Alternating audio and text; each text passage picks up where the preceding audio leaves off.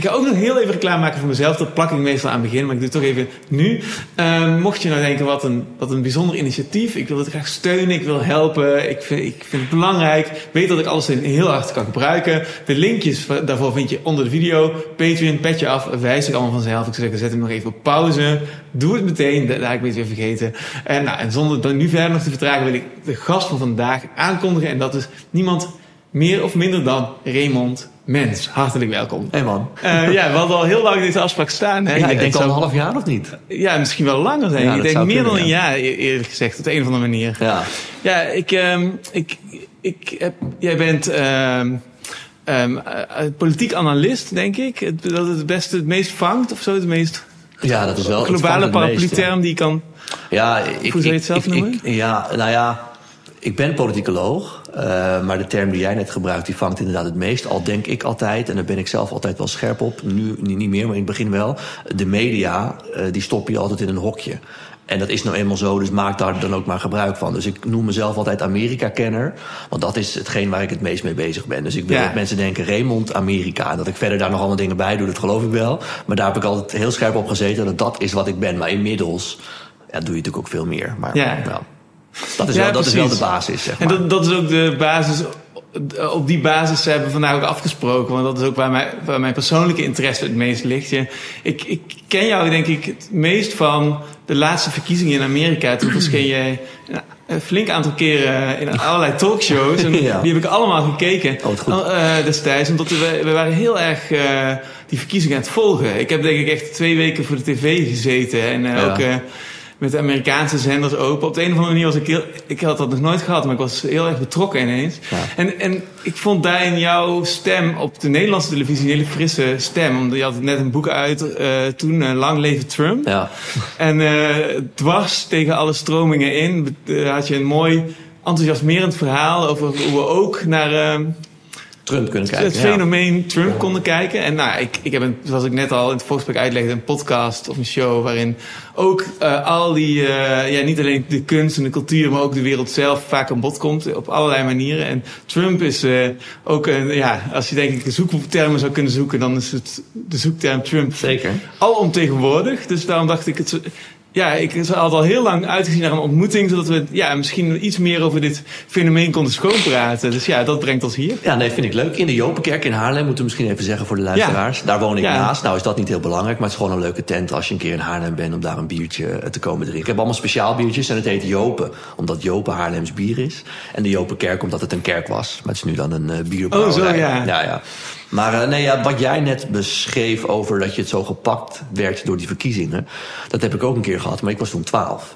Dat, Oh, was, ja. in, dat was in 2000. En uh, ik had dan een soort bovengemiddelde interesse voor politiek in Amerika. Maar ik, op het nieuws uh, zag ik toen heel vaak Al Gore en George W. Bush voorbij komen. En dat waren dan uh, de democratische en republikeinse presidentskandidaten. En ja, op een gegeven moment dan ga je dat volgen, word je erin gepakt. Ik ben ook die debatten gaan kijken. Nou, nogmaals, ik was denk 12, 13. Uh, en toen vonden die verkiezingen plaats. En toen was dat ontzettend spannend. Uh, we denken wel eens dat Trump versus Biden spannend was. Maar dat ging echt om een paar honderd stemmen. Op honderden, op honderd miljoen uitgebrachte stemmen. Uh, en ja, toen heeft me dat in één keer gepakt of zo. Dus eigenlijk volg ik het al twintig jaar. En toen Trump eenmaal ten tonele verscheen... toen bekroop mij inderdaad wel het gevoel... ja, we kunnen ons heel erg op die oranje meneer met het oranje haar focussen. Dat is ook logisch. Maar ik volgde toevallig toen al twintig jaar, sinds 2000. En toen dacht ik, ja, er zijn ook wat trends die ik signaleer achter Trump die maken dat Trump kan doen wat hij doet. En toen dacht ik, daar kan ik misschien wel een boek over schrijven. En dat vond ik extra leuk, omdat het altijd wel een droom van mij was om überhaupt een boek te schrijven. Alleen, ja, dat zul jij weten, je kan een droom hebben om een boek te schrijven, moet wel ergens over gaan. Dus op een gegeven moment moet je denken, ik heb wat te vertellen. Nou, als je dat hebt, dan kun je een boek schrijven. Daarvoor wordt dat lastig.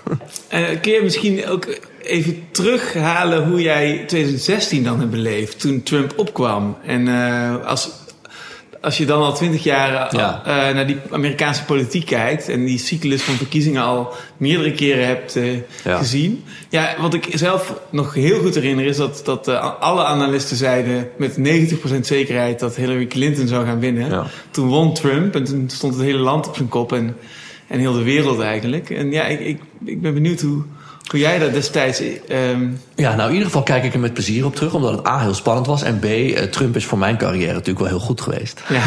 Wij noemen hem de gift that keeps on giving. Uh, dus ik ben heel erg blij met uh, Trump.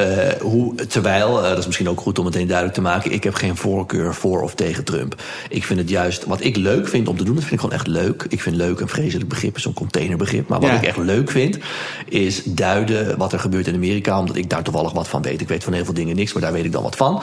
En ik vind het leuk om dat te duiden. Met andere woorden, ik vind het ook leuk om geen partij te kiezen. Het, wat ik extra leuk vind is als iedereen Trump afzeikt. Dat ik dan zeg, ja, maar advocaat van de duivel, je kan het ook vanuit die hoek bekijken. Dat vind ik überhaupt leuk. Als, als wij met z'n tweeën eh, in dezelfde vriendengroep zouden zitten en één jongen, daar heeft iedereen een hekel aan, want die heeft iets gedaan, dan vind ik het ook wel leuk. Ja, maar als je nou van zijn kant bekijkt, dat vind ik leuk om te doen. Uh, en in 2016 moet ik ook heel eerlijk zeggen, ik was naar Amerika gegaan om erbij te zijn, wil ik dan maar zeggen. Ik was in New York, omdat het voor het eerst ooit was dat er twee kandidaten ook uit New York kwamen. Althans, voor het eerst sinds een lange tijd. Dus ik was naar een bijeenkomst van Clinton gegaan. Ik, ben, uh, ik heb thuis nog een poster gehangen van uh, een verkiezingsbord van Hillary Clinton, getekend door Joe Biden. Die was toen vicepresident, ik ook naar een bijeenkomst van geweest. En ik ben naar Trump geweest. En die avond was ik in New York. En heel eerlijk gezegd, ik heb toen ook een paar radio-interviews vanuit daar gedaan. En ik zei ook tegen iedereen: waarschijnlijk wint Hillary Clinton. Want alle peilingen lieten dat zien. En ik was ook verrast toen het niet zo was. Ik bedoel, daar moet ook eerlijk over zijn. Alleen ik ben niet verrast dat Trump zo groot is geworden. Omdat nogmaals er heel veel trends achter Trump zijn. Maar ik, ik volgde dat toen met interesse ook. Ik was daar. Uh, en ik zou naar de bijeenkomst van Hillary Clinton gaan. Die had een hele grote hal afgehuurd. Met een glazen plafond. Want dat zou zij doorbreken, hè, het glazen oh, ja. plafond. En dat was een hartstikke groot feest. Tot een uurtje of tien s'avonds. Daarna werd het een soort crematorium. Dus ik dacht, uh, nou, daar moet ik niet zijn. Uh, ja, en daarna is natuurlijk inderdaad, jij was in shock, maar de hele wereld was in shock. En eerlijk gezegd, uh, ik herinner me nog dat ik in New York, ik zat in het huis van vrienden, tv te kijken zat. En dat Trump de trap afdaalde. Uh, om zijn overwinningsspeech te geven. En ook Trump was geschokt. Dat zag je. Hij had een flinke lading make-up, wat hij altijd heeft. Maar hij zag er toch lijkbleek uit. Hij had het zelf ook niet verwacht, Hij had het zelf ook niet verwacht, nee. nee. Dus uh, Trump heeft ook vaak gezegd in die campagne van... ja, maar wij winnen nooit, want Clinton heeft alle toppers. Ik heb alleen maar losers. Losers. dat was ook een heel slecht georganiseerde campagne. Anders dan nu. De campagne van Trump nu is heel goed georganiseerd. Toen was het gewoon een stelletje inderdaad losers bij elkaar. uh, en toch hebben ze gewonnen. Dus ook Trump was verrast. Dus, dus, dus om maar te zeggen dat... ja, ik had ook gewoon tegen mensen gezegd gezegd, kijkend naar de peilingen, wint Hillary Clinton. Uh, maar ik heb dan toevallig net een theatershow die ik doe uh, over Trump. Althans, ik heb een paar try-outs gehad, maar we gaan volgend jaar theater in. En een van de gemene delers is ook dat ik dat kiesmannensysteem uitleg. En dan leg ik ook steeds uit aan mensen dat het in Amerika gewoon niet interessant is wie de meeste stemmen haalt. Het gaat puur om die kiesmannen. Kunnen we misschien zo nog even over hebben. Maar eh, om aan te geven dat ja, Trump had inderdaad miljoenen stemmen minder. Maar daar gaat het in Amerika niet om. Trump was net even iets beter in uh, stemmen winnen in bepaalde gebieden. Nou, dat ja. levert je dan punten op. Denk aan het Songfestival. Ah, dan kun je in het Witte Huis mee komen. Ja, nou. en dat is ook, dat heb ik zo destijds ook begrepen toen ik erin dook. Dat is ook een systeem om eigenlijk uh, te outbalancen. Dat het eigenlijk op alle linies eerlijk is, toch? Mm -hmm. Dat je Uh, dus dat is eigenlijk het ironische aan dat systeem. Uh. Ja. ja, dus als ik zeg het doet er niet toe wie de meeste stemmen haalt, is dat misschien te kort door de bocht. Maar het doet er alleen toe wie de meeste stemmen haalt in iedere staat. Ja. Kijk, en als je dan die staat wint, dan krijg je punten. En het is er inderdaad. Uh, kijk, Amerikanen kiezen congresleden of senatoren. En die sturen ze vanuit hun eigen district naar Washington. En er is maar één persoon die zij landelijk kiezen, en dat is de president. Dus die man of vrouw moet uh, vinden, vinden ze in Amerika tenminste niet zozeer de meeste stemmen halen, landelijk, maar verspreid over het land zijn of haar steun vergaren. Dus dat niet alle grote steden op iemand uh, stemmen, of alle zuidelijke staten iemand naar voren schuiven, maar verspreid over het land moet jij je steun vergaren. En daarom doen ze dat per staat. En ik vind dat een heel logisch systeem. Kijk het naar Amerika, moet ik eerlijk zeggen. Ja, ja vind ik niet zo gek. Je zei net al van, uh, je vertelde net al iets over dat je het interessant vindt om het uh, eigenlijk meer vanuit een helikopterperspectief te duiden ja. en niet daar een voorkeur in uit te spreken. Dat herken ik heel erg. Ik, ik was destijds ook, stond ik regelmatig in het theater. Wij maakten theater over de actualiteit.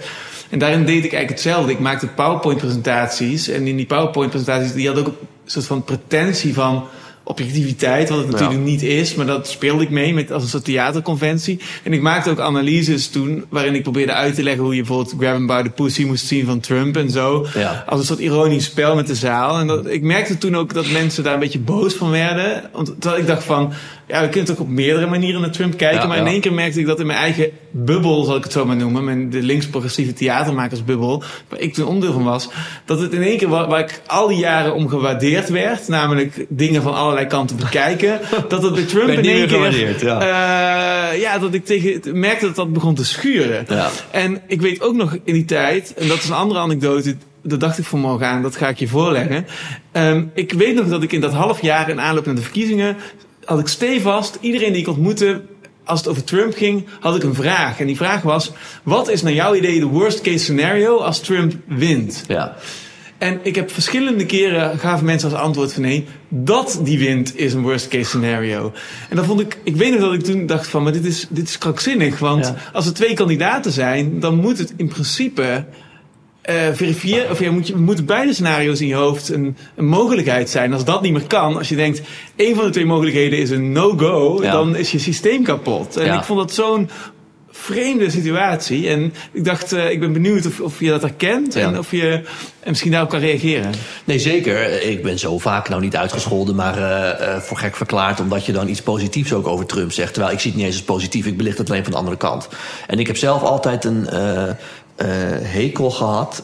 Eh, aan Amerika-kenners. En daarom vind ik het, doe ik het op mijn manier. Iedereen doet het op zijn manier. Maar neem bijvoorbeeld Maarten van Rossum. Wat overigens een hartstikke leuke vent is. Ik heb meerdere keren met hem bij op één gezeten. Leuke kerel. Maar die kan bijvoorbeeld zeggen... alle republikeinen zijn volslagen idioten. En een ramp voor de wereld. Nou, dat vind ik niet eh, interessant om dat zo te zeggen. Ik vind het interessant om gewoon beide kanten... eh, ik word heel vaak bijvoorbeeld be- bekritiseerd op Twitter... of door andere mensen van, van both sides. Weet je wel, dat je beide kanten heel erg... terwijl één kant heeft gelijk, de andere niet. Maar ik ben dan iemand die dan zegt... bekijk het van beide kanten. En dan krijg ik ook heel veel kritiek op. Maar ik vind dat juist interessant. En het is aan de kijker of aan jou of aan de lezer... of aan degene die een theater bezoekt... om zijn of haar mening te vormen. Maar ik vind het niet interessant om die mening voor iemand te vormen. En die negatieve reacties over Trump, die herken ik. Ik hoor dat ook van heel veel mensen. En ja, ik denk dan ver- verdiep je ook een beetje in hoe de Amerikanen dat ervaren. Want je kunt niet zeggen, neem de vorige verkiezingen. Trump heeft dan wel verloren, al denkt hij daar zelf anders over. Eh, Trump heeft iets van 75 miljoen stemmen gehaald. Eh, behalve Joe Biden, die iets meer stemmen haalde, heeft Trump meer stemmen gehaald dan welke Amerikaanse presidentskandidaat ooit in de geschiedenis van Amerika. Ja, dan is het wel erg makkelijk om te zeggen dat hij een volslagen idioot is, of dat al die mensen die op hem stemmen volslagen idioot zijn. Weet je wel, dat gaat een beetje te kort door de bocht. Dus eh, je- je moet het altijd, denk ik, van de andere kant ook bekijken. En Ehm, eh, ja, dat, dat systeem van Amerika, dat zit nou eenmaal zo in elkaar dat je altijd moet kiezen tussen links of rechts, democraten, republikeinen, of wat ik altijd zeg, Coca-Cola of Pepsi. Meer smaken zijn er niet.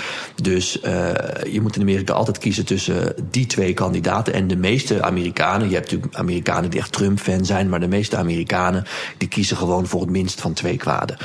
Dus ik vergelijk het altijd met als je de Nederlandse politiek zou nemen en wij zouden twee partijen hebben, links of rechts, om het even heel simpel te zeggen. Dan zou de rechtse partij, hè, daar zou Geert Wilders lijsttrekker voor zijn. En de linkse partij, nou in het geval van Hillary Clinton, zou dan Femke Halsema zijn. Nou, ik ken heel veel vrienden die normaal gesproken niet op Geert Wilders stemmen. Maar als ze daartussen moeten kiezen, en alleen daartussen, zouden ze het misschien wel doen. Ja. En dat is in Amerika natuurlijk ook zo. En er komt nog bij dat eh, heel veel Amerikanen het gewoon heel erg moeilijk hebben. Eh, de baan die ze hadden bestaat niet meer. Eh, ze vertrouwen de media niet. Zijn ook trouwens eh, best goede redenen voor op te noemen. Er is ook, als Trump het heeft over de elite... er is een soort elite in Amerika. Neem het congres. Ik bedoel, er zitten bijna alleen maar miljonairs in. De tijd dat Trump opkwam hadden we president Bush senior gehad... maar we hadden ook Bush junior gehad. En de, de broer van Bush, Jeb Bush, deed ook aan de verkiezingen mee. We hadden Bill Clinton gehad, Hillary Clinton deed mee. Als, als Trump het heeft over een elite in Washington... dan bestaat die ook gewoon. En voor heel veel Amerikanen was en is Trump een soort menselijke handgranaat... die ze daar naartoe gooien om de boel op te blazen. Dus ook als wij dan thuis... eh, eh, naar de televisie kijken en de Trump-jaren bekijken... en dan denken van, oh, wat een chaos met die man. Dat is wel zo, maar in de belevingswereld van zijn achterban is dat dus goed. Eh, die zijn de hele dag met allerlei andere dingen bezig. Kinderen naar voetbal gebracht, American voetbal dan. Boodschappen gedaan, eh, zijn de was aan het doen. Ze zetten het nieuws aan in Amerika en dan zien ze dat Trump, hè, die is dan president... dat is het die heeft met ruzie met iedereen en in Washington is het één grote chaos. En dan denken zij, nou, dat zal wel goed gaan. Lekker bezig. Dat is een andere manier van er naar kijken dan vanuit Nederland makkelijk oordelen over wat daar gebeurt. Ja, want als je zo'n systeem hebt wat je dat nu beschrijft, die, dat je eigenlijk maar twee kandidaten hebt. En ja, die Wilders Femke Halsema vergelijking is eigenlijk een hele goede vergelijking, want dan zie je meteen het effect. Ik denk dat 90% van de stemmen in zo'n systeem een, e-, eerder een tegen de ander stem is dan een voor de ene stem. Ja. En zo heb ik destijds ook naar die verkiezingen een beetje gekeken. Toen ik zag dat Trump won, toen dacht ik van volgens mij is ook een heel groot deel wat zegt we willen gewoon niet die. Ja, ja en, en niet alleen niet die, maar ook gewoon zich afzetten tegen Washington zelf. Ja. Uh, het is natuurlijk ook gewoon zo dat daar uh, een. Nou, neem bijvoorbeeld uh, die voorverkiezingen toen, die hij won bij de Republikeinen, zijn nu ook weer bezig, hè, die voorverkiezingen. en ik noemde het even Jeb Bush, die deed ook in die verkiezingen mee. Nou, los van het feit dat het natuurlijk een Bush-telg is en meer elite krijg je niet. Maar die kreeg op een gegeven moment 300 miljoen dollar van donateurs. En er zaten een paar rijke donateurs tussen. Een van de redenen waarom bijvoorbeeld Israël altijd hoog op de agenda staat in Amerika is omdat ook eh, vanuit de Joodse gemeenschap er veel geld wordt gegeven. Dat is overigens niet erg, want iedereen doet dat om aan te geven dat er gewoon veel geld wordt gegeven. Dat heeft invloed. Ja. Nou, en als Trump dan zegt, uh, er is een soort elite, uh, met name in de presidentiële politiek, die het voor het zeggen hebben en die alleen maar doen wat hun goed uitkomt en niet wat de gewone man goed uitkomt. Ja, ik heb zelf politicologie gestudeerd. Dat klinkt als populisme en dat is het natuurlijk ook een beetje. Alleen ik zeg er altijd bij, daar heeft Trump ook gelijk in. en dat is natuurlijk wat heel veel Amerikanen uh, zien. En uh, om een vlucht naar voren te nemen.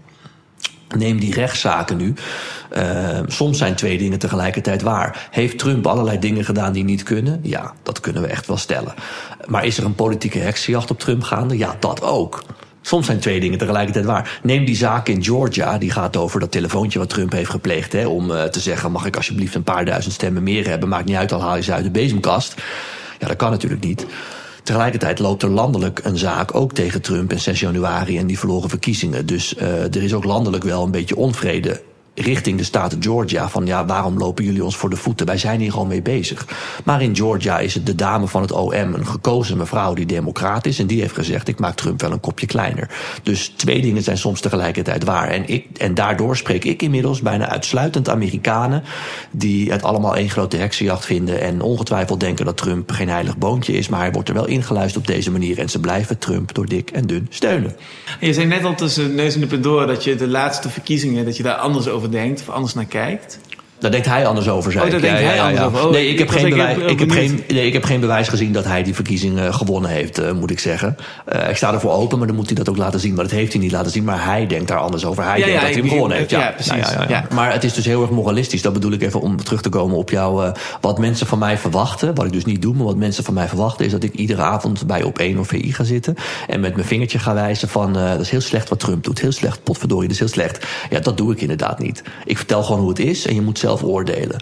Uh, toen ik Lang Leven Trump schreef, heb ik heel veel, vooral journalisten op mijn dak gehad, die zeiden van ja, maar uh, Trump liegt heel veel. Ik zeg, ja, ik zeg, dat klopt, staat er ook in. Ja, maar dat is heel slecht. Ik zeg, ja, dat is aan de lezer om, de meeste mensen zullen dat slecht vinden. Maar de gemiddelde Amerikaan zal denken, iedereen liegt in Washington, dus Trump ook. Maar zij zeggen van ja, je moet in je boek benoemen dat dat slecht is. Ik zeg, nou, ik zeg, ik noem Trump, Trump een goud eerlijke leugenaar. Met andere woorden, hij liegt heel veel, maar soms vertelt hij ook de waarheid. Hè? Als Jeb Bush 300 miljoen dollar krijgt van donoren en Trump zegt, zij willen daar wat voor terug, ja, dan is het ook gewoon een waarheid. En daarom vinden kiezers hem vaak juist recht door zee. Terwijl hij ook veel liegt. Dus ik schrijf dat in het boek. Maar dan is dus het journaal niet tevreden. Want die willen dan dat je opschrijft... Trump liegt en is dus slecht. Maar dat laatste doe ik niet. Ik oordeel niet. Ja. Het is aan jou om te beoordelen. Trump liegt, anders zal hij wel slecht zijn. Maar dat doe, doe ik niet voor je. Nou, wat ik dus interessant vind, je zei net ook van dat je dan soms beschuldigd wordt van uh, both sidism. Ja. Wat dan weer zo'n stickertje is wat Ja. dan mensen op je willen plakken. Ik vind het een compliment Eh, overigens. Ja, en dat, dat is ook weer een moralistisch. eh, dat is iemand die moet van zichzelf dat vingertje even doen. Nou, dit is een both sidism. Ja. Maar wat ik daar interessant aan vind, is zoals ik naar Trump kijk. De reden dat hij populair wordt en ook eh, ehm, eh, dat hij weerklank krijgt bij zoveel mensen, heeft volgens mij ook te maken met het feit dat mensen eh, dat doorzien. Dat ook in die, in die medialogica mensen gedwongen worden in een bepaalde richting te denken. En, Ja. en dus, terwijl inderdaad in een twee-partijen-systeem, waarbij je in ieder geval in de landelijke verkiezingen uiteindelijk twee mensen hebt, twee kandidaten en één ervan wordt president. Dat, dat, ja, je moet wel naar beide perspectieven kijken, anders kun je niet fatsoenlijk praten. Dan Ja. is alle media gewoon uh, hoe noem je dat, bevooroordeeld richting de, de winst van een van die twee kandidaten. Dus en als je dan, als je dus daar wel op die manier naar kijkt, wat je beschuldigt van, uh, ja, both sides. Ja, ja. En als, en juist, ik denk dat als je maar lang genoeg zo'n systeem hebt, dan, dan, dan, dan de reden dat Trump populair wordt, um, komt volgens mij juist door dat systeem op die manier functioneert. Ja. Toch? Of, hoe Nee, kijk jij daarnaar? Nee, ik denk dat ook. Nou, in ieder geval, ehm, kijk, in Nederland vind ik, eh, want Trump wordt dan nu als een gevaarlijke gek eh, bestempeld, hè. En, Trump heeft ook wel redenen gegeven om dat sticker te krijgen. Alleen het is te kort door de bocht, denk ik. Maar laten we ook even teruggaan. Ehm, eh, wij, zijn, wij kijken er met een bevooroordeelde blik naar. Want George Bush, ook een republikein, dat was een gekke cowboy. Ronald Reagan, ook een republikein, was een domme acteur. Hè. Dat is allemaal, en beide is niet waar. Ja. Eh, en dan eh, Bill Clinton was fantastisch. Ik vond Bill Clinton ook ontzettend eh, leuk om naar te kijken. Daar gaat niet om. Maar, maar Barack Obama, dat was alsof de Heer Jezus op aarde terugkeerde. dat bedoel ik met die bevooroordeelde blik. daarnaar kijken. En ik noem altijd het voorbeeld van Obamacare. Wij kijken dan vanuit Nederland naar de Amerikaanse politiek. Neem dus het voorbeeld van Obamacare als van... Ja, hoe kan het nou toch dat die Amerikanen geen universele gezondheidszorg hebben? En wat goed dat Obama dit doet. En wat slecht dat Trump en zo dat proberen ongedaan te maken. Maar dan zeg ik altijd... Uh, ik vergelijk Europa wel eens met Amerika. We hebben natuurlijk verschillende lidstaten. Nou, in uh, Amerika ligt er ook veel macht bij de individuele staten. Stel nou dat ik morgen tegen jou zou zeggen... Uh, die Nederlandse zorgverzekering die jij hebt... dat werkt waarschijnlijk weer wat tevreden over... maar dat, dat gooien we even in de prullenmand. Dat doet er even niet meer toe. want morgen gaat Brussel dat allemaal regelen. Die gaan een Europese zorgstelsel invoeren. Nou, dan zit iedereen hier in het plafond van woede. En dat speelde met Obamacare in Amerika ook. Dus wij kijken heel erg vanuit die Nederlandse blik en die westerse blik en ook met dat moralistische vingertje. Terwijl dan krijg je de nuance niet mee van wat daar precies speelt. Het is te makkelijk, weet je wel. Vind ik. Ik heb het gevoel dat het een met het ander te maken heeft. Dus het Ja. feit dat, dat uh, je, je beschrijft inderdaad... Het is interessant als je dus al die vroegere presidentskandidaten op een rijtje zet. En dan kun je Ja. veel verder terug. Je kunt dan Kennedy erbij Zeker. halen en daarna... Nixon. En Nixon en, enzovoort. Hè. En inderdaad, dan denk je, oh, er is een soort van bijna karikatuur, karikaturalisatie vindt er plaats van Ja. de ene is een boef en de ander is een, eh, Ja. is Altijd. een held. Ja. En, eh, en op een gegeven moment, door Trump ontdek je dat bijna dat patroon. Je wordt er eigenlijk uit, uit wakker ge, ge, ge- Ja.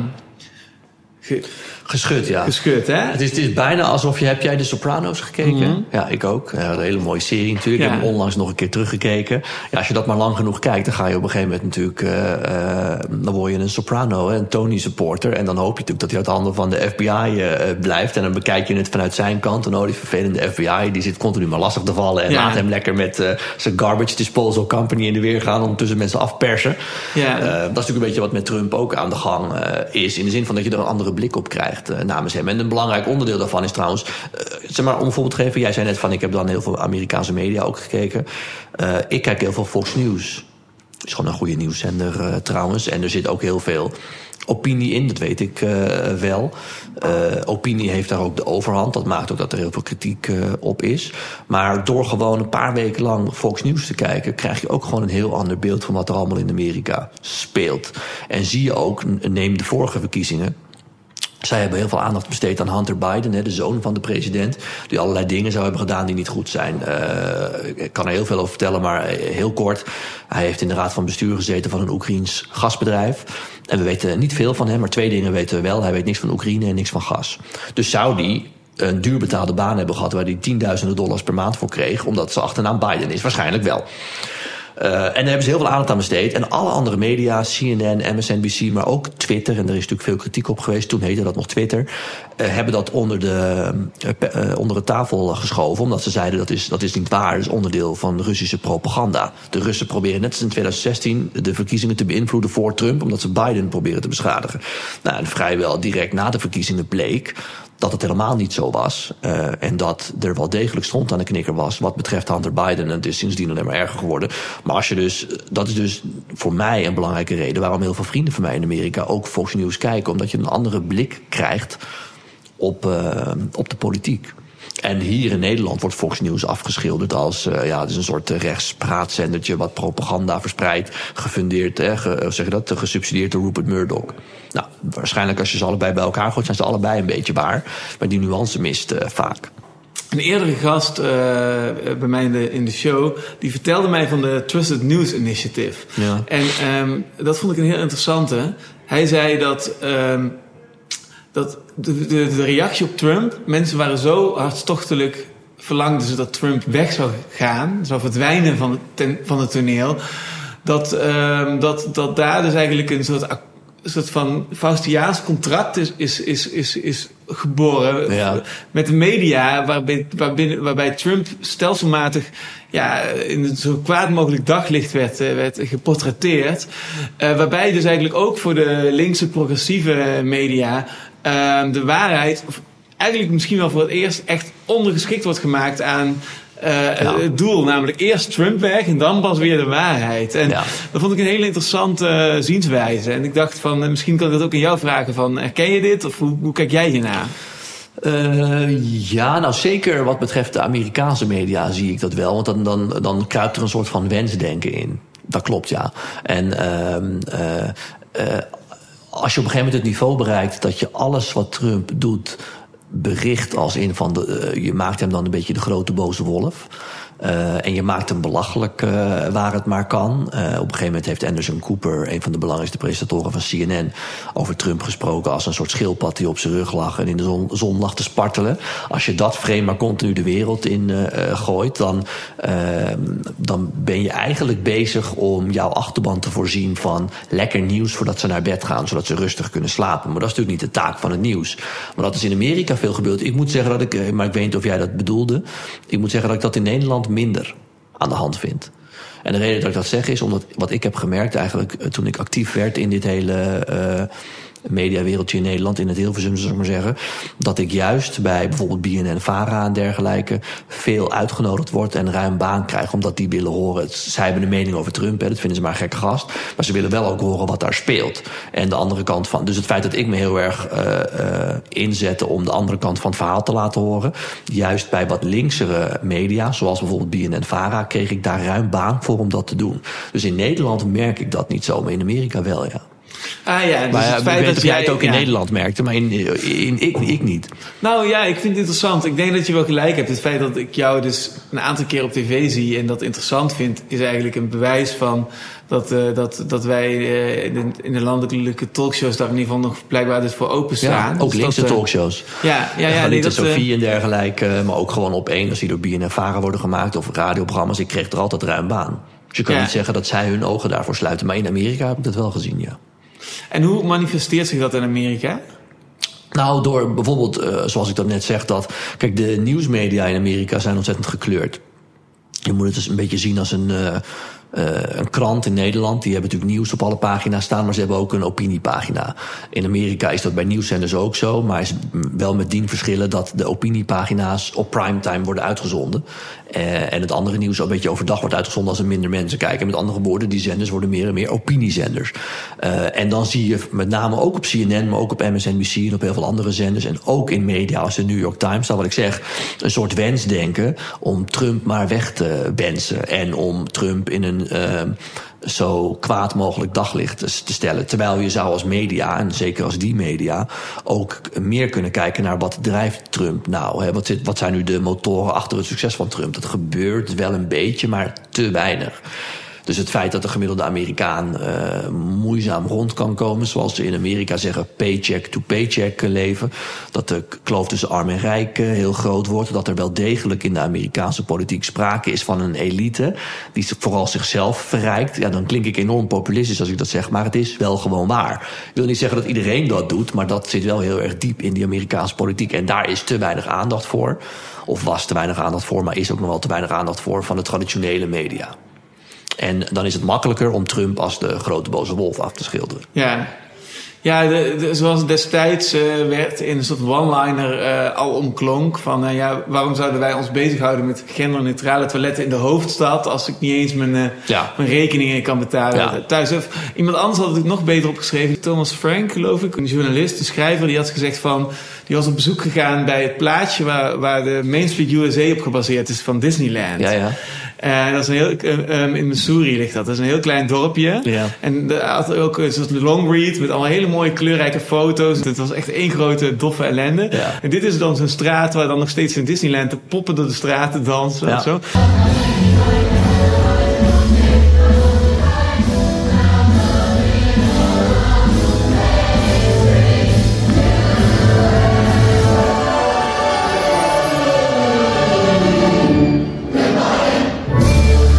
Hij, en hij zei van ja, als een, als, een, als een dorp of een stad in Amerika niet eens meer een school of een ziekenhuis heeft, dan is, dan, dan is alle bloed uh, uit weggetrokken. Ja. En dat is wat heel veel mensen, wat voor heel veel mensen de dagelijkse realiteit is. En hoe dat dan komt, daar kun je natuurlijk op allerlei manieren over praten. Ja. Maar het feit dat, dat dat niet gehoord wordt, terwijl dan wel in de hoofdstad voor je gevoel over, over de micropijntjes van de micropijntjes van de micropijntjes van de, van de mensen daar gepraat Ja. wordt. En dat daar symboolbeleid op wordt gemaakt. Dat, zo zou ik samenvatten wat met de kennis van nu, acht jaar geleden, een soort cultuurclash was. Tussen waar Clinton voor stond en waar, eh, we zeggen altijd Hillary, dat, Ja. dat anders Ja, de andere, ja. waar Hillary Clinton voor stond, eh, tegenover waar, eh, waar Trump voor stond. Dat is de botsing zoals ik hem nu zou eh, Ja. samenvatten in één zin. Ja, er speelt ontzettend veel achter. Maar zoals jij hem nu samenvat, eh, daar kan ik me in vinden. En eh, dat betekent dus ook dat daarom ook dat kiesmannensysteem een goed systeem is. Want dat zorgt ervoor dat die mensen een stem hebben. Als ik naar Amerika ga, ik vind het... Natuurlijk kom ik ook wel eens in New York en eh, Chicago... en ik ben laatst nog in Boston geweest... maar ik vind het vooral leuk om naar small town America te gaan. Dus ik ben eh, een paar weken terug in Vermont geweest... in Maine, New Hampshire, kleine staten. Maar een van mijn favoriete staten is Wyoming. Daar wonen meer bisons dan mensen, kan ik je vertellen. Maar het is een ontzettend mooie staat. Allemaal van die ranchers wonen daar. En daar heb je heel veel van dat soort small towns. En sommige maken wel degelijk een revival door... en zien er heel mooi uit. Maar met name, ik noemde Wyoming even... Uh, Wyoming is natuurlijk tegenwoordig een toeristische hotspot geworden. In de zomer gaan mensen daar ranchen, paardrijden, naar Yellowstone onder andere. In de winter hebben ze mooie skigebieden. Uh, er komen steeds meer bedrijven naar Wyoming. is ook een hele mooie, schone staat. Maar de dorpjes die dan daardoor small town America-achtig zijn en een revival krijgen, daar is het voor de gewone man niet meer uh, te doen om daar te wonen. Die prijzen reizen de pan uit. Was van de week nog een reportage op de Amerikaanse televisie van mensen die in de bediening werken in Jackson Hole, Wyoming. Nou, die wonen drie uur buiten de stad in een camper. Kunnen daar niet wonen. En heel veel andere staten, zeker ook New Hampshire, waar ik laatst geweest ben, heb je heel veel van die kleine small town uh, stadjes en gebieden waar inderdaad de ziel uit is verdwenen. Nou, en als dan Trump zegt, wat hij heel vaak heeft gezegd, ook tegen de Afro-Amerikaanse gemeenschap, maar breed tegen de Amerikanen. Uh, ik weet dat ik een beetje gek ben, maar what do you have to lose? Wat heb je te verliezen? Ja, dan is het antwoord natuurlijk, ik heb niks te verliezen. En dan is hij inderdaad die menselijke handgranaat die naar Washington wordt gegooid om de boel op te schudden. Zie je ook nu, hè, met uh, die paar leden van het Huis van Afgevaardigden die die voorzitter hebben weggekregen. Dat zijn er maar een paar hoor. Uh, maar vanuit hun achterban zijn ze naar Washington gestuurd om, nou ja, uh, de boel daar op te schudden. Dus uh, die zijn niet gestuurd voor, om stabiliteit daar te houden, maar juist om te rellen. En dat is met Trump ook een beetje zo. Ja. En, en, en je ziet gewoon dat er gewoon een aantal. kijk, Trump zegt altijd: ik ben politiek incorrect. Um, ik vergelijk Trump wel eens met Pim Fortuyn. Uh, andere mensen natuurlijk, totaal andere mensen. Fortuyn was een schrijver, Trump heeft nog nooit een boek gelezen.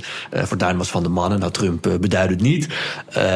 maar zowel Trump als Fortuyn begeven zich, voordat ze de politiek ingaan, al heel lang in de media. Fortuyn schoof regelmatig aan, bij Harry Mens, geen familie overigens. schreef columns in de Elsevier, was bij Barend en van Dorp te gast, gaf zijn mening over de politiek. Trump deed het ook al tientallen jaren. Al bij David Letterman, bij Oprah Winfrey, in de New York Times. Trump gaf al jarenlang, decennia lang moet ik zeggen, zijn mening over de politiek en ook op deze manier. In de jaren tachtig zegt Trump al dat Amerika moet stoppen met het betalen van de veiligheid van Europese, maar ook uh, landen in het Midden-Oosten, omdat die dat prima zelf kunnen betalen. En misschien moeten ze maar eens uh, uh, meer geld besteden aan het bouwen van bruggen en scholen in Amerika zelf, zegt Trump 30 jaar geleden al. Ehm, maar in dat hele verhaal in die tijd zijn er ook gewoon een aantal heilige huisjes die niet bespreekbaar waren in de Amerikaanse politiek. En één daarvan is de problemen aan de grens met Mexico. Waarvan Trump dan zegt we moeten een muur bouwen. Dat is natuurlijk beetje hetzelfde met Fortuyn. Die zegt Nederland is vol, we moeten de grenzen sluiten. Dat is een soort, dat is iets wat niet besproken mocht worden. Als je dat zegt, dan ben je extreem rechts. Uh, Fortuyn werd vergeleken met Hans Janmaat. Nou, uh, Trump werd vergeleken met allerlei rechtsextremisten tot en met Hitler aan toe.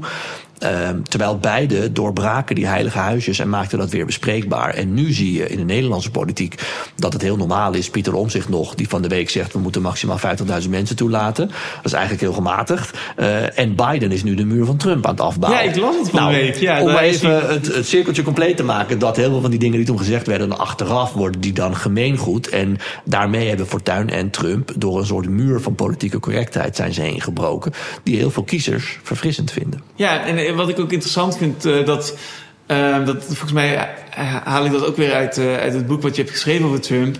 Dat hij, daar gewoon een heel pragmatische, zakelijke kijk op heeft. Wat Ja. hem betreft, hij is niet tegen immigratie. Hij is gewoon voor een systeem van, nou, eh, bij wijze van spreken, zoals je sollicitatieprocedures hebt. Van, nou, schrijf maar Ja. een brief, eh, cv erbij, wat kom je doen in dit land? Nou, maak maar een plannetje. Ja. Als je het zo zou Hebben doen... we, hebben we jou nodig? Hebben we jou nodig? Wat kun je doen voor ons? Hoe kunnen je... en, en de grap is dat mensen dat vaak ook willen. Mensen willen ook een rol. Dus, dus in plaats van je, eh, mensen als slachtoffers te behandelen, behandelt hij ze als za- zakenpartners eigenlijk. Hè? En dat is een frisse manier van benaderen, zou je kunnen zeggen. Hè? Nee, het, het, kijk, Trump, het, het klopt dat Trump altijd zegt... we moeten dus een muur bouwen aan de grens met Mexico. En Trump heeft altijd gezegd... wat ik dan mooi zou vinden... is als we er ook een grote eh burcht eh, maken... en in het water zetten we dan alligator, alligators, weet je wel... en krokodillen en zo. Dat zegt Trump altijd. Maar hij zegt er tegelijkertijd bij... dat hij een hele grote gouden deur plaatst... en daar mag iedereen doorheen komen... die legaal Amerika binnen wil komen. Dat is ook Trump. En ergens daartussenin zou natuurlijk het compromis moeten plaatsvinden... Ja, tussen, tussen Trump en de Democraten. Dat gebeurt dan niet. Maar ook Trump is voor immigratie. Maar Trump heeft sowieso niet zo heel veel met het links-rechts eh, denken. Trump is ooit een democraat geweest. Eh, is mede, denk ik, republikein geworden. Omdat hij wist dat ja, als je president wil worden... dan heb je wel een van die twee partijen nodig eh, om te winnen. Anders kan dat niet.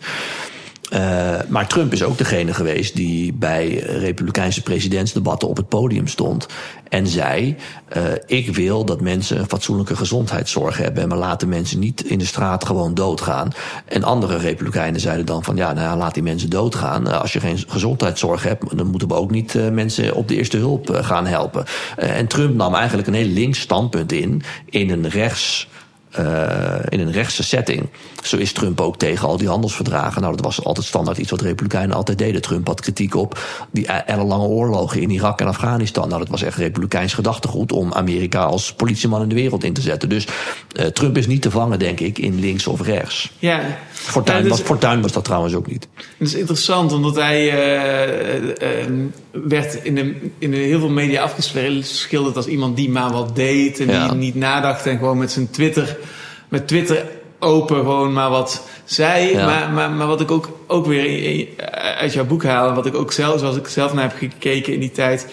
Um, had hij wel degelijk ideeën, maar dat waren gewoon hele andere ideeën. Onorthodoxe, ja. radicale of gekke of zakelijke ideeën. Ja. Ik vind de, zijn, zijn, debuut, of zijn boek heet ook volgens mij The Art of the Deal. Ja. En uh, als je door die bril naar Trump kijkt, dan snap je heel veel van zijn manier van... Uh, Best verkochte boek ooit na de Bijbel, zegt Trump altijd. Ik denk niet dat dat klopt. volgens mij is die IKEA-gids nog meer nou, niet verkocht, nog meer verstuurd. Dat is, maar dat zegt Trump altijd. Nou ja, dat is een goede verkooppitch. Zeker, zeker. Nou ja, sowieso is bij Trump altijd alles succesvol. Uh, daarom schrijft hij zijn naam ook in gouden letters. Kijk, uh, ik, Trumps internationale politiek bijvoorbeeld vat ik altijd samen onder de dollardoctrine.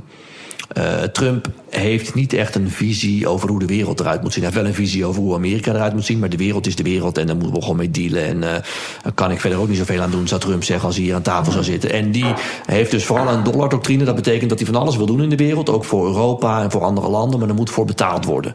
Ja. Uh, dat is zijn visie. op, op, op het internationale gedeelte dan. En verder is zijn visie dat we inderdaad Amerika weer op één moeten plaatsen. En dat uitzicht in het bouwen van een muur en allerlei andere uh, plannen die hij heeft. En ik moet er ook bij zeggen. Trump is momenteel de enige Amerikaanse politicus met zo'n visie. En daar bedoel ik mee. Hij is de enige die uh, een verhaal heeft, al jarenlang, over hoe die Amerika wil inrichten. Hij ziet Amerika eigenlijk als een groot warenhuis waar producten gemaakt moeten worden die dan wereldwijd uh, uh, verkocht kunnen worden in plaats van dat we allerlei made in China, made in Taiwan producten naar Amerika importeren. Ook in Amerika moeten weer producten gemaakt worden uh, en, en, en die moeten de Amerikanen dan wereldwijd gaan slijten. En als vervolgens Europa of landen in het Midden-Oosten beschermd willen worden door Amerika, dat kan, maar dan is hier ons rekeningnummer. Dan komt het eigenlijk op neer. en tot nu toe is de enige visie van de Democraten, wij zijn Trump niet. En mijn kritiek op hun, maar ook op andere Republikeinen is. Ik denk dat je alleen Trump uit de weg kan ruimen. Niet door rechtszaken, maar door een andere visie neer te leggen. die meer mensen aanspreekt. of die daartegen ingaat, nou hoe je het ook wil. Dus je kan heel veel kritiek op Trump hebben. maar Trump is de enige die een verhaal heeft neergelegd. Een blueprint van zo wil ik dat we Amerika de komende jaren gaan inrichten. Los van of je het daarmee eens bent of niet. Toen Trump uh, won in 2016 toen kreeg je eigenlijk dus eerst die shock van heel veel Ja. mensen. Ehm, en vervolgens kreeg je enorm veel duiding. Echt een explosie van. Misschien is het dit geweest, of misschien is het dat, Dat geweest, ja. En daarna kreeg je een enorme Trump-haat. Een, enorme, een enorm verlangen om hem weg te krijgen. Een enorm verlangen om hem zwart af te schilderen. En ik had denk ik ehm, verwacht dat. ehm, dat het dat een, ja, in een, in, laten we zeggen, een gezond medialandschap en een gezonde cultuur zou je, zou je misschien. eh, zou de volgende stap zijn om echt na te denken van wat is dat geweest eh, in onze samenleving of in onze wereld wat zo scheef zit dat we er allemaal zo naast zaten en, en zouden we niet daarna moeten luisteren. Maar ik heb het gevoel all in all, als je kijkt naar de afgelopen acht jaar, dat de media maar double down en nog meer double down zijn gegaan op van nee, het is verkeerd, het moet weg. En, en dat moralistische vingertje van eh, waar je net al naar verwees. Ja, dat klopt. En hoe kijk jij daarnaar? Nee, ik, ik deel die mening ook. Overigens misschien even op het eerste gedeelte wat jij zegt over... er zijn heel veel analyses geweest. Eh, het meest makkelijke antwoord wat ik kan geven is natuurlijk... dat waarschijnlijk als je al die analyses op één hoop gooit... dan eh, kloppen ze allemaal. Eh, de, de meest eh, eh, makkelijke analyse over Trump is natuurlijk... dat het allemaal boze witte mensen zijn... die bang zijn dat Amerika in een razendsnel tempo verandert. Dat er heel veel mensen met een kleurtje Amerika binnen zijn gekomen... en die hebben ze er liever allemaal niet bij. En, en die willen ook allerlei dingen zoals Columbus Day afschaffen... maar dan wel weer vieren dat we ooit Native Americans hier hadden. En de Amerikanen denken, wat zijn jullie allemaal aan het doen? Dat zal ook een onderdeel van de kracht van Trump zijn. Maar waarschijnlijk, ik zeg, als je ze allemaal op één hoop gooit, die redenen, dan klopt dat ongeveer. Uh, en, en, en, en jouw tweede punt was? Ja, uh, om meteen even hierop te reageren. Dit vind ik, uh, dit is al door zoveel verschillende mensen weersproken. Want iedereen die, gaat, die Amerika ingaat met een microfoon en gaat ja. praten met mensen, komt erachter dat het heel anders is. Er zijn documentaires over gemaakt, films over gemaakt, boeken over geschreven. Je ziet aan, aan alles dat dit een volstrekt karikaturale weergave van de werkelijkheid ja, is. Ja, en ik moet altijd denken aan, uh, als mensen dus niet begrijpen waarom iemand iets doet, dan wordt heel snel gezegd, ja, die doet het voor het geld. Zo, hè? En dat, dat vind ik ook altijd zo'nzelfde ding. Dat, is, dat kun je van de buitenkant heel makkelijk op iets plakken. Maar je weet nooit wat de motieven van mensen zijn. En uh, ja, natuurlijk doe je het ook voor het geld, want je moet overleven. Maar dat is heel simpel gedacht. En, uh, dus dat, dat hoor, ik er, hoor ik er een beetje in. van, van mensen die niet begrijpen, denken van ja, dat zijn natuurlijk gewoon boze witte mensen. Ja, ja, die zijn gewoon boos vanwege de immigratie. Dus dat wordt een soort van platgeslagen. Ja, nou ja, en wat ik zeg, het zal ongetwijfeld wel een onderdeel zijn. Alleen ik denk dat er andere belangrijke trends achter zitten. Maar om een voorbeeld te noemen. Uh, de Amerikanen hebben uh, de afgelopen jaren miljoenen mensen binnengelaten van buiten. Soms illegaal, maar de, het gros uh, legaal. Omdat Amerika natuurlijk ook nog grosso modo een, een migratieland is. En die hebben heel veel mensen nodig, die verwelkomen ze ook. Maar daardoor veranderen ook wel heel snel dingen in Amerika. Hè. Ik noem altijd een heel simpel voorbeeld. Maar zo'n comedy-serie als Friends, natuurlijk een mega groot succes, zou nu niet meer gemaakt kunnen worden. Want ja. er zijn zes blanke mensen. Nou, ga er maar aan staan als televisieproducent. Dat doet dus niemand. En je ziet het heel goed in Sex in the City, vind ik. Wat ja. ik een briljante serie vind. Ja. En dan hebben ze nu een versie gemaakt die echt in de verste verte... Het is echt een verschil tussen een 9,5 en een 5 of zo. En dat dan is neem, in 20 jaar uh, veranderd. Groot succes in de jaren 90, Roseanne. Ja. Uh, dat is dan een, uh, het heeft een revival gehad op ABC. die hebben dat uitgezonden, was een groot succes. Maar ja, dan wordt er ook... Oh, dan heeft die heeft dan een relatie gekregen met een zwarte Amerikaanse. Dan heeft die een gehandicapt kind. En die jongen is transgender. Want anders kunnen we die serie niet meer maken. En zo zat die serie in elkaar. Maakte de serie overigens ook heel leuk hoor, dus daar niet van. Uh, om het verhaal af te maken, die serie werd overigens na een jaar alweer gecanceld. Omdat de bedenkster daarvan en de hoofdrolspeelster Roseanne Barr in een dronken uh, psychose s'nachts had getwitterd dat Obama het resultaat was van een zwarte vrouw die met een terrorist naar bed was geweest. Zoiets. of met een aap was het geloof ik. Dus die moest meteen van de buis. Inmiddels is die serie, omdat het zo'n succes was, nog steeds te zien, maar dan zonder haar. Dus die familie heette dan Connor van hun achternaam. Dus nu heet die serie The Connors. En Roseanne is in de serie doodgegaan aan drugsoverdosis. Maar dat terzijde. Uh, inderdaad zou je niet meer kunnen maken. En om het dan wat groter te maken, uh, echt die traditionele Amerikaanse tradities als Thanksgiving uh, bijvoorbeeld, of Columbus Day, ik noem het allemaal. Daar is dan tegenwoordig kritiek op, hè, want dat mag dan niet meer zo, want Columbus was een hele vreselijke man.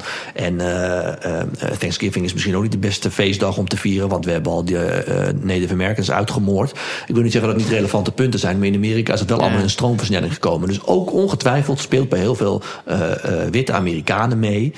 Uh, dat daar een soort woede zit van ja, maar wacht eens even, ons land is wel heel snel aan het veranderen. Dus dat ja, een beetje zoals de zwarte pieten discussie Juist, hier. Hè? Maar het is niet de, uh, de verklaring, zoals er niet een verklaring is. Ja. Ik heb alleen in Lang Leven Trump geprobeerd om de acht belangrijkste trends achter Trump uh, samen te vatten. Maar inderdaad, iedereen die wel eens in Amerika komt, ziet meteen dat die karikaturen überhaupt niet uh, kloppen. Ik was dus een paar weken terug nog in Amerika en ik was in New Hampshire, in Manchester, de hoofdstad. En daar is niet veel te doen. Maar ik was daar met mijn vriend en het was zaterdag, dus wij zeiden, nou, uh, zullen we even kijken of hier überhaupt een gay bar is. Die was er, was er eentje, we zijn daarheen gegaan. waren drie mensen, heel, weinig. Maar een uurtje of elf s'avonds was het al wat drukker, misschien dertig mensen. Uh, en toen hebben we met een leuk stelletje Amerikanen staan praten. Alleen zelfs ik, ik bedoel, ik weet echt wel dat Trump een hele brede aantrekkingskracht heeft. Maar in een gay bar verwacht ik niet per se Trump supporters. Maar we zijn leuk met die mensen aan het praten. En dat één zo'n stel is gewoon mega, mega Trump-fan. En die zeggen dan ook tegen mij, ik had verteld wat ik doe, van wat mijn mening dan is. En ik zeg, nou, ik vorm geen mening, maar ik heb wel gezegd toen, um, wat ik me wel kan voorstellen als ik in Amerika zou wonen, is dat 6 januari mij wel te ver zou gaan. Hè. Dus ik kan me best voorstellen dat ik op Trump zou stemmen, maar als ik dan zie wat er op 6 januari is gebeurd, daar zou ik wel van denken, uh, dat is niet goed. Uh, en waarop die gasten meteen losgaan over. En Trump is erin geluisterd. En dat komt door linkse activisten, want die zaten erbij. En Biden heeft vroeger ook het kapitool bestormd toen hij jong was. En bla bla bla. Die, die geloven dat dus ook. En dan denk ik van ja, dan zelfs ik word dan weer met mijn neus op de feiten gedrukt. Dat in een gay bar waar je dat niet verwacht. gewoon het, een homostel loopt wat mega, mega Trump-fan is. Dat verbaast mij dan zelfs weer. Terwijl ik overal op televisie uitleg dat die steun voor Trump zo groot is. Maar zelfs ik word dan nog wel eens met mijn neus op de feiten gedrukt. hoe breed dat leeft. En ook hoe anders die realiteit is van de realiteit die we hier op televisie zien. Ja, het is nu, want misschien is, misschien is het wat, wat, wat, wat fast-traced om het, om het heden erbij te halen. Nu het echt, ja, vanwege de, wat er in Israël-Palestina gebeurd is. Ja. Uh, um, maar dat is ook weer zo'n ontzettende bom in het debat. En je ziet dat eigenlijk waar de breuklijnen lagen, weer nieuwe breuklijnen ontstaan. En alles wordt weer opnieuw binnenste buiten gekeerd. En, dat is echt, als je daar zeg maar, met een helikopterperspectief naar kijkt, dan is dat is fascinerend. Ja. Um, en nu, nu kwam ook weer Trump op verschillende manieren voorbij, omdat hij ook een rol heeft gespeeld in het Midden-Oosten. In, uh, Zeker. In zijn. Uh, presidentschap. In zijn presidentschap. En uh, hij heeft echt geprobeerd om daar op allerlei manieren uh, vrede te stichten en, Ja. uh, en, en deals te sluiten. Ook weer de art of a deal toegepast in, Ja. in dat, in dat eh, explosieve Midden-Oosten. Ik dacht, misschien is het uh, nog interessant om, om, om, daarover te hebben, hoe jij daarnaar kijkt. Ja, ten eerste, uh, voordat we naar Trump gaan, uh, wat ik dus leuk vind, is dingen duiden. Uh, volgens mij heb jij dat ook wel. Mhm. En waar ik altijd moe van word, en dat zie ik ook met het Midden-Oosten nu weer gebeuren in Nederland. Ik, ik, ik, word niet elke ochtend wakker met een mening. Heb jij dat wel? Nee, helemaal Nee, niet. ik probeer ook eigenlijk weg te blijven van die Ja. mening. Dus, ik eh, heb er ja. ook geen behoefte aan. Maar dan zie ik allemaal mensen aan talkshows zitten die dan een duidelijke zwart-wit mening hebben, bijvoorbeeld over het Midden-Oosten. Ik word daar al moe van als ik het zie, maar ik zou er moe van worden als ik het zelf zou hebben. Nou, wat ik, Ik heb het Midden-Oosten, om, meteen, sorry hoor, om meteen, om meteen Nee, aan te vullen. Ehm, kijk, het Midden-Oosten is, Israël-Palestina-conflict is, ik denk, het, het, het, het, schoolvoorbeeld van een conflict waar twintig jaar geleden al met vrienden in kroegen zeiden van, nou, dit is zo ingewikkeld, dit is Ja. onoplosbaar. Ja. En dan wordt het een soort bijna, ja, een soort voor, voor, voor als je zo'n soort een meta-brein hebt en dit soort discussies leuk vindt, in diezelfde kroeg met de jaren bijna een soort running gag van, om die onoplosbaarheid van Israël-Palestina maar weer te bespreken. Ja. En, en dan is er één specifieke aanslag, zou in één keer als bij toverslag iedereen heldere meningen geven. Ja. In plaats van dat het ingewikkelder is geworden of zo. Ja, dat, nee, dat vind ik zo verbazingwekkend Nee, eraan. Ik snap dat ook niet hoor. Bovendien het is het inderdaad zo ingewikkeld alsof ik dan de oplossing zou hebben. Dat heb ik natuurlijk ook Ja. niet.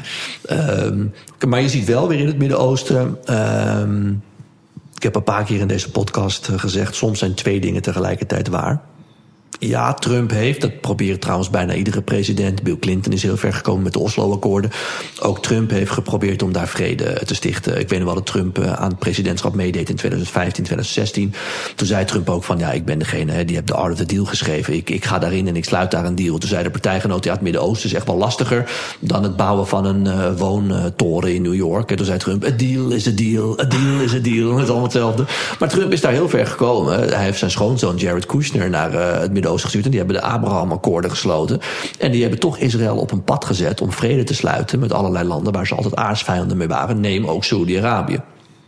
Een van de theorieën achter de aanslag die Hamas heeft gepleegd, hè, en dat druk ik me nog zacht uit met aanslag, uh, is dat ze dat proces juist wilden verstoren. Want uh, Saudi-Arabië was een van de laatste landen waar Israël dan officieel vrede mee zou sluiten. Hè, en dan uh, zou Israël echt in die regio geaccepteerd worden. Nou, daarom zou Hamas gepoogd hebben om dat allemaal onmogelijk te maken. Tegelijkertijd heeft Jared Kushner en hebben de Trumps ook daardoor heel veel contacten opgedaan, onder andere in Saudi-Arabië. En de Saudis hebben uh, inmiddels al honderden miljoenen dollars geïnvesteerd in de Trump Organization. Onder meer met golftoernooien en allerlei leasebedragen uh, van uh, flatgebouwen en zo. Dus daar heeft Trump zichzelf ook verrijkt. Of de Trump-familie moet ik zeggen. Maar er zijn ook gewoon heel veel goede dingen gebeurd in, in die regio. Alleen wat jij zegt, dat is inderdaad een beetje een oplos, onoplosbaar probleem daar. En, en, en dat vind ik leuk om te doen. Ik vind het dus leuk om tegen mensen zeggen, nou, je kunt het ook op die manier zien, maar je zal mij nooit horen oordelen of zo. En dat vind ik nu met het Midden-Oosten, dat je altijd mensen overal met meningen ziet. Daar ben ik helemaal niet van. Ik weet ook niet of ik ooit in de politiek zou gaan, omdat ik niet continu elke dag opsta met een mening. Ja. Ik vind het veel leuker om gewoon erover te vertellen. En ik kan heel makkelijk denken, oh, daar zit ook wat in, daar zit ook wat in. Ja, ja. En als je dus, maar laten we dan eens met, die, met dat vogelperspectief kijken naar die, die deals eh, in het Midden-Oosten. Hoe, hoe, kijk, hoe kijk je daar dan naar? Is dat iets uh, heeft dat iets opgeleverd? Of is het toch een beetje. Uh, ja, ik, ik, ik, ik, krijg mijn vraag niet scherp, maar ik probeer zicht te krijgen op ja. hoe we daar nou. Kijk, Trump wordt Tuurlijk op een bepaalde manier afge, afgeschilderd, namelijk als de grote boeman. Ja. Tegelijkertijd kunnen we nu wel zeggen dat hij een van de weinige presidenten is geweest die geen oorlog is begonnen. Ja. Uh, dat, dat is ook. Ik, ik, ik praat nu Trump-liefhebbers na, hè? Dat is wat je dan hoort. En dan vond ik, ga je dan verifiëren en denk je, verrek, wat interessant. Zo, hè? Nee, maar er is een bekend voorbeeld, en dat is ook Trump, van uh, een paar jaar geleden toen Iran een Amerikaanse drone uit de lucht had geschoten. En die Iraniërs waren er heel trots op. Die hebben die drone opgegraven of uh, uh, gevonden en tentoongesteld. En op de Iraanse televisie was de hele dag die high-tech drone te zien. En nou, die alles toch maar mooi binnengehaald en uit de lucht geschoten. En toen zijn er vergeldingsacties op papier gezet. Uh, dat gebeurt altijd natuurlijk. En generaals hebben in de Situation Room uh, zijn kelder onder het Witte Huis tegen Trump gezegd: Nou, dit en dit is ongeveer wat we kunnen doen. En er was ergens een wapenfabriek die in een dorp stond met allerlei mensen die daar woonden. En het plan was dan om dat dan plat te gooien. En dat zou dan de vergelding zijn. En Trump heeft daar akkoord op gegeven. Maar uiteindelijk kom je altijd nog, als die vliegtuigen in de lucht zijn, uit. Terug bij de president moet ik zeggen. En dan zeg je van: Nou, we gaan nu op enter drukken. U vindt het nog steeds een goed idee, toch? En dan moet de president en die moet zijn officiële sign-off nogmaals geven. En uh, Trump heeft toen gezegd, nou doe het maar niet. Ik vind dat toch niet uh, relaxed. En Trump heeft toen in een persconferentie ook verklaard waarom. En Trump zei van ja, ik zat er nog eens over na te denken. Daar wonen ook gewoon mensen om dat wapendepot. Uh, en dat zou toch tientallen slachtoffers veroorzaakt hebben. En ik heb wel gezegd, we moeten dat doen. Maar op het laatste moment dacht ik toch, dat moeten we niet doen. Dat is toch voor een onbemande drone die uit de lucht is geschoten... gaat me dat toch net te ver. Dat is ook Trump. Ja. Uh, en daarmee zeg ik niet dat Trump beter is dan Obama en uh, Biden of Bush. Want die hebben ook dat soort afwegingen moeten maken. En soms viel het kwartje de ene kant op, soms de andere kant op. Maar het idee dat Trump een soort oorlogshonger heeft. en op zijn bureau een grote rode knop heeft. en daar maar 30 keer per dag op drukt. Die had hij overigens wel en daar drukte hij ook 30 keer per dag op. Maar dan komt er een butler cola brengen. maar het idee dat hij dan continu dat soort bommen de wereld in liet gaan. en daar uh, harteloos over dacht, helemaal niet zo. Ja. Trump was een stuk zachtaardiger op dat punt. dan heel veel uh, van zijn voorgangers. He, Obama, Obama is degene die uh, ook tegen die grote ellenlange oorlogen was. Want Obama is mede gekozen door zijn kritiek op de oorlog in Irak. Maar die heeft vervolgens het aantal drone-aanvallen doen skyrocketen. Nou, en, en Bush, om even de, de vergelijking te trekken met het Midden-Oosten. Iedereen zei tegen Bush na 9-11: je kunt die terroristen uh, wel uitschakelen en ook de mensen die hen in het zadel houden. Maar dan moet je precisiebombardementen voor gebruiken, zoals nu ook tegen Israël wordt gezegd. Maar een land binnenvallen en daar heel veel burgerslachtoffers maken en de regering omvergooien, dat moet je niet doen. Nou, ze hebben het gedaan in Irak, ze hebben het gedaan in Afghanistan en er lagen plannen om het ook in drie of vier andere landen te doen, alleen het werd te kostbaar. Dus als, en nu zeggen de Amerikanen tegen de Israëliërs van nou, uh, rustig en uh, ze zeggen er eerlijk bij, maak niet dezelfde fout die wij gemaakt hebben na 9-11. Maar ja, dit is inderdaad uh, een lastig moment om tegen Israël te zeggen van denk nog eens even rustig na. Dat doen ze natuurlijk niet. Maar uh, om aan te geven dat inderdaad Trump niet een oorlogsbeluste uh, president was. Ja, ik, ik zat uh, vorige week, ik had het ook al met Timon over. Ik was, vorige week was ik naar het gesprek aan het luisteren uh, van die schoonzoon van Trump. Uh, die was aan het praten met Lex Fridman in Oh ja. een podcast in Amerika.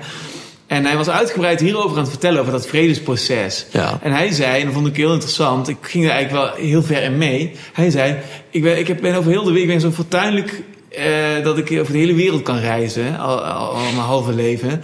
En wat ik heb ontdekt is dat alle mensen overal min of meer hetzelfde willen. Namelijk eh, ja, een gezinnetje, dat kunnen uitbouwen, Ja. zichzelf een beetje ontwikkelen. Ja, eigenlijk zoals je ook, eh, z- zeg ik even mijn eigen woorden, in een plantenkast bloempjes zou laten bloeien, hè, of eh, plantjes of zo. Hè. Dat is wat mensen doorgaans willen. Ja. Ehm, en dat sluit ook heel erg aan bij deze manier van kijken naar zowel naar bombarderen als naar ehm, deals sluiten en kansen creëren. En het is natuurlijk een hele koude zakelijke manier misschien ook van kijken. Als alles transactioneel zou zijn.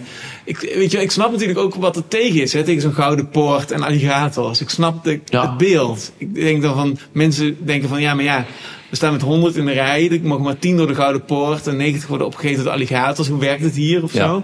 Ik snap natuurlijk dat, dat je dat ook kan denken bij dat beeld. Maar er valt wat voor te zeggen, toch? Voor die, voor die, voor die, ja, die, want als je dan zo'n drone voorbeeld geeft. Obama heeft, heeft, heeft ontzettend veel slachtoffers gemaakt in het Ja. Midden-Oosten. Ja. Wat ook heel veel. Ja, hoe zeg je dat? Dat is natuurlijk altijd moeilijk om te zeggen. Maar volgens mij dat hele Wikileaks ge- gebeuren, waar uiteindelijk Assange mee eh, nog steeds in vastzit, is vanwege dat hij wilde publiceren wat Amerika gedaan heeft. In, eh, Ja. En dan zie je hoe gevoelig dat ligt. Ja. Nee, eens. En eh, bij Obama gebeurde dat natuurlijk op een bepaalde manier. Hè, als je het hebt over die drone-aanvallen, zodat de Amerikanen schone handen kunnen houden. Want het werd gedaan door mensen die achter een joystick hè, zaten in een hal ergens in Texas. En dan werden ver weg in Afghanistan of Iran eh, werd gezegd: druk maar op de knop en dan werd er een bom eh, losgelaten. Nee, dus dat is zo. Dus ehm, eh, eh, voor heel veel kiezers bijvoorbeeld is Trump juist een anti-oorlogskandidaat. Heeft Trump ook in zijn campagne vaak gezegd. Eh, ik was tegen de inval in Irak, is enige discussie over. Maar dat heeft hij eh, daarna zeker gezegd dat hij dat nooit zou doen. Trump was degene die ook weg wilde uit Afghanistan. Maar luisterde toch naar zijn generaals. Die zeiden, we kunnen niet zomaar weg. Biden kreeg hetzelfde verhaal van zijn generaals te horen. Maar Biden stelde de vraag erbij, oké, dan blijven we in Afghanistan. Maar vertel me dan meteen erbij hoe lang. Dus als ik nu toegeef, we blijven nog langer. Wanneer kunnen we dan wel weg? En het antwoord was eigenlijk, ja, nooit. En toen heeft Biden gezegd, ja, maar dan gaan we ook gewoon. Nou, dat heeft geresulteerd in de chaos die we daarna gezien hebben... met de Taliban die Ja. er nu weer zitten. Ik, ik heb Maar dat altijd wel aannemelijk gevonden. Heel erg eh, eh, veel verschillende koppen heeft dat monster. En dus dat een, die eendimensionale kijk, sowieso op de politiek of op een situatie, maar ook op Trump, eh, dit, dit is, dat is te kort door de bocht. Dus, en, en ik- nogmaals, ik heb geen voorkeur, maar als ik enige nuance in het verhaal heb kunnen brengen, of ik heb advocaat voor de duivel kunnen spelen, en ik heb tegen mensen kunnen zeggen: bekijk, het is van die kant, dan ben ik al tevreden. Ga Ja. ik een biertje drinken en denk: nou, goed gedaan. Dat is het enige wat ik wil. Eh, vrij makkelijk verder. En ehm, ik zit ook tegelijkertijd even met mijn, met mijn ogen op de klok. Ik heb geen idee hoe laat- oh ja, we zijn ja. nu een uur bezig, dus ik zal. eh, maar ik, ik ben wel, wel even benieuwd. Ehm, ja, misschien kunnen we tot slot nog even kijken naar de stand van zaken. Ehm, eh, Trump werd eh, president in 2017. Nou, in 2021 had je die, eh, die kapitoolbestorming. Ja. En nu krijg je allerlei. eh, sindsdien zijn is het een soort juridische kwestie aan het worden. En nu komen er weer verkiezingen aan. En misschien ben ik vooral nog benieuwd naar een soort van misschien. Wat is, wat, ja, wat, is, wat, wat is naar jouw idee de stand van zaken nu, als we het over Trump hebben? Hoe kijk jij naar de hele vraag. situatie? Nou ja, Um, de steun voor Trump is nog steeds ontzettend groot. Het is natuurlijk een understatement wat ik maak, maar door alle dingen die we nu besproken hebben, die liggen eigenlijk nog steeds op tafel. Eh, en misschien is de belangrijkste wel, vind ik, dat Trump nog steeds de enige is die een visie op tafel legt waar hij met Amerika naartoe wil. Eh, zelfs de Republikeinen die in de race zijn om hem van de troon te stoten, want bij de Republikeinse partij zijn er voorverkiezingen. Trump is president af, dus om weer president te worden moet je eerst voorverkiezingen winnen. Eh, Negen van de tien kandidaten die hem van de troon willen stoten, die, die, die onderschrijven dat ook. En dat zijn eigenlijk gewoon kleine Trumpjes, dat zijn Trumpisten. Die eh, hanteren ook het Trumpisme. Misschien kort even goed uit eh, om uit te leggen wat ik met het Trumpisme bedoel. Het Trumpisme is de wijze van politiek bedrijven van Trump. Dus qua stijl is dat met gestrekt been erin, vooral richting je tegenstander. En inhoudelijk is dat we plaatsen Amerika weer op één. Dat is nu gemeengoed in de Republikeinse partij. Zie ook de nieuwe Speaker of the House, de voorzitter van Amerika's Tweede Kamer. Maar ook de kandidaten die dus zeggen van nou wij zijn betere presidentskandidaten dan Trump, onderschrijven grosso modo America First en hanteren ook een beetje die stijl. Een paar uitzonderingen daar gelaten. Dus Trump staat er heel sterk voor. Wordt mogelijk weer presidentskandidaat. En dan kom je altijd weer in de klassieke Amerikaanse situatie dat je gewoon als kiezer moet kiezen tussen Coca-Cola of Pepsi. Nou, en Coca-Cola is dan Trump en Pepsi is in dit geval Joe Biden, die heel veel bereikt heeft. Uh, dus ook echt wel naar zijn achterban terug kan en kan zeggen: Give me four more years. Want ik heb heel veel dingen beloofd en ook waargemaakt. Maar tegelijkertijd is dat een hele oude, breekbare man. En met zo'n tweestrijd ja, weet je nooit uh, hoe dat af gaat lopen. Biden zegt vaak: Ik ben de enige die Trump verslagen heeft. Dus geef me nog een kans om dat te doen. Maar bij de vorige verkiezingen, door dat kiesmannensysteem, zag je ook dat eigenlijk het verschil tussen hun, dat was landelijk wel 8 miljoen stemmen, maar eigenlijk ging het maar om een paar duizend stemmen in een paar belangrijke staten. En als je nu een paar jaar verder bent en Biden is een paar jaar ouder en dus ook breekbaarder en wie weet wat er nog in de campagne gaat gebeuren op dat gebied. En de inflatie is heel hoog en de wereld staat in brand. Uh, en de achterban van Trump denkt Trump wordt erin geluisterd door al die rechtszaken. ja, dan durf ik zeker niet uit te sluiten dat dat verschil van die paar duizend stemmen tussen hun, dat Trump dat goed gaat maken in die staten, daardoor al die kiesmannen krijgt en daardoor president wordt. Dus voor nu heeft hij de beste papieren om president te worden. Maar uh, ja, een van de leuke dingen die ik van de Amerikaanse politiek vind, is dat het heel onvoorspelbaar is. Dus, en dus ik, ik, ik ben een beetje altijd, vind ik, René van der Grijp die over voetbal praat. Dus René van der Grijp zegt altijd, dan doe ik een voorbeschouwing, Ajax Feyenoord. En dan zeg ik Ajax wint 2-0. Nou, en als vervolgens Feyenoord met 6-0 wint, is ook niks aan de hand. Dan leg ik in de nabeschouwing uit hoe dat gekomen is. Ik bedoel, ik weet het ook niet. Maar ik leg uit wat ik zie. En dat is met Trump ook. Dus dit is hoe het er nu voor staat. Maar ik zeg er altijd bij, het kan ook zomaar zijn volgend jaar, doordat Trump al die rechtszaken heeft en doordat Biden uh, heel oud is, dat we misschien wel twee kandidaten tegenover elkaar krijgen waar we het nu niet over hebben. Nou, het minste wat ik dan kan doen is uitleggen hoe dat gekomen is. Maar kan moeilijk voorspellen natuurlijk. Ja. En die behoefte heb ik ook niet. En denk je dat de, de tijdbom, of de atoombom die Trump is geweest in, ja. de, in, de, in de Amerikaanse politiek, met de kennis van nu, denk mm -hmm. je dat dat iets goeds is geweest? Of denk je dat dat iets dat het niet goed is geweest? Of, of ben je daar ook weer het liefst neutrale stem in? Ja, ik vind goed niet het verkeerde woord. Het is gewoon heel belangrijk geweest. En ik denk ook logisch geweest, omdat uh, die trends achter Trump die ik beschrijf, hoe de media werken, de kracht van het kiesmannenstelsel, uh, de elitevorming in met name de presidentiële politiek in Amerika, dat twee-partijenstelsel wat muurvast zit. Maar eigenlijk links en rechts bestaan in Nederland dan niet zo erg meer, maar in Amerika ook niet. Maar het twee-partijenstelsel zit zo muurvast dat links en rechts die tweestrijd, dat wordt veel meer wij tegen zij, jij tegen ik. Uh, of jij tegen mij. En uh, wie, wie is er wel Amerikaan en wie niet. Er wordt een soort cultuurstrijd. En al die dingen, daar heeft Trump op een meesterlijke manier gebruik van gemaakt. En maakt daar op een meesterlijke manier gebruik van. Maar die, waren, die, die, die zijn al zichtbaar geworden zonder Trump. En die waren er al voor Trump. Um, dus daarom is denk ik wat Trump gedaan heeft, is uh, een belangrijke ontwikkeling die ook nog heel lang door zal dreunen. En de vraag is hoe de Amerikaanse politiek daar vervolgens weer op reageert. Uiteindelijk komt er weer een nieuwe Trump of komt er een tegenbeweging. Dat hoort er allemaal bij. Uh, maar het is in ieder geval een historisch belangrijke gebeurtenis. Maar je zal mij niet horen zeggen of dat goed of slecht is. Uh, ik, ik zou het dan liever omdraaien. Dan zou ik zeggen hoe slecht en naïef dat mensen Trump al die ruimte hebben geboden om ja. daar zo op in te spelen. En, en de vraag is, kunnen ze dat voorkomen een volgende keer? En wat ik ook interessant vind, wat je net zegt, is dat alle kandidaten nu Trumpiaans zijn. Ja. Ik heb in uh, daags na de verkiezingen van uh, 2016 was ik naar This American Life aan het luisteren. En daar kwam echt een hele mooie analyse uit. Dat de Republikeinen vlak voor Trump in beeld kwam. eigenlijk heel erg democratisch aan het worden waren. Ja. En zeiden van ja, ze dachten we moeten de, de minderheid van. hebben als, als uh, zeg maar de mensen die we normaal aanspreken. Sorry hoor. De mensen die we normaal aanspreken daar hebben we geen meerderheid meer. Ja. We kunnen alleen maar een meerderheid vormen als we de, de, de, de Mexicaanse, ja. de, de Afro-Amerikaanse, ja, de, Ja. de, wat nu LGBTQ heet, als we al die subculturen ook aanspreken, kunnen we winnen. Anders kunnen eigenlijk nooit meer winnen. Ja, klopt. Daar is Trump dwars doorheen gebroken. En nu is het effect daarvan is dat, dat de Republikeinen eigenlijk eh, helemaal weer naar die andere kant, ge, als een soort pendule, naar die andere kant geslingerd zijn. Ja. Toch? Ja, eh, sinds 1992 zijn er natuurlijk best wel wat presidentsverkiezingen geweest. Dus 1992, je had 1996, 2000, 2004, 2008, eh, 2012, 2016 en 2020. En één keer maar in al die verkiezingen hebben de Republikeinen meer stemmen gehaald dan de Democraten. Maar één keer was in 2004. George Bush tegen John Kerry. Oh, ja. Al die andere keren hebben de Democraten gewonnen. Alleen dankzij het kiesmannenstelsel won Bush in 2000 van Al Gore. Dat was die verkiezing die ik voor het eerst keek.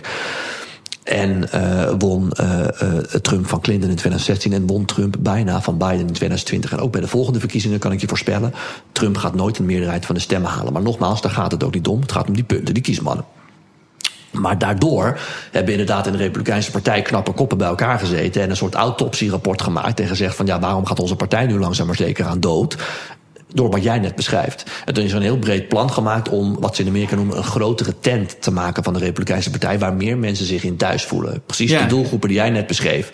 Nou, daar is Trump inderdaad uh, dwars tegen ingegaan. Met als gevolg dat landelijk inderdaad die Republikeinen nog steeds niet meer stemmen halen dan de Democraten.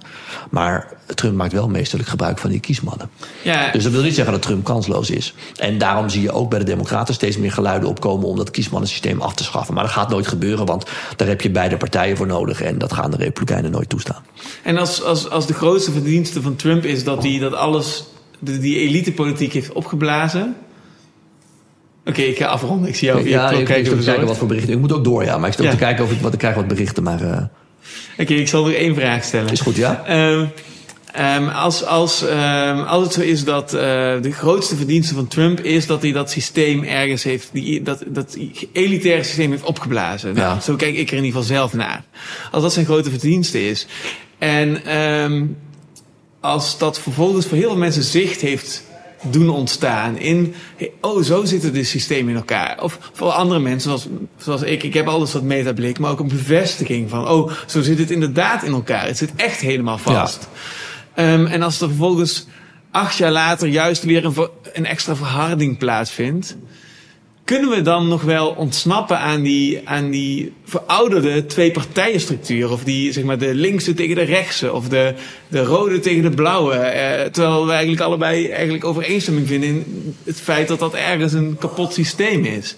Ja. Hoe kijk jij daarnaar? Kunnen we daaruit? Of zitten we eraan Nou ja, vast? Nee, da- daar zijn we op zich sowieso wel uit. Kijk, ik denk dat die oude ideologische scheidslijnen, ook in Nederland, die er vroeger waren, die bestaan niet meer. De aankomende Nederlandse verkiezingen zijn een belangrijk voorbeeld daarin. Want uh, uh, de afgelopen jaren gingen we bijna toe naar een soort ombudspolitiek. Uh, we hebben een partij voor ouderen, een partij voor uh, mensen die van buiten zijn gekomen, een partij voor de dieren zelfs, een partij voor ondernemers. Dus zo kan ik nog wel even doorgaan.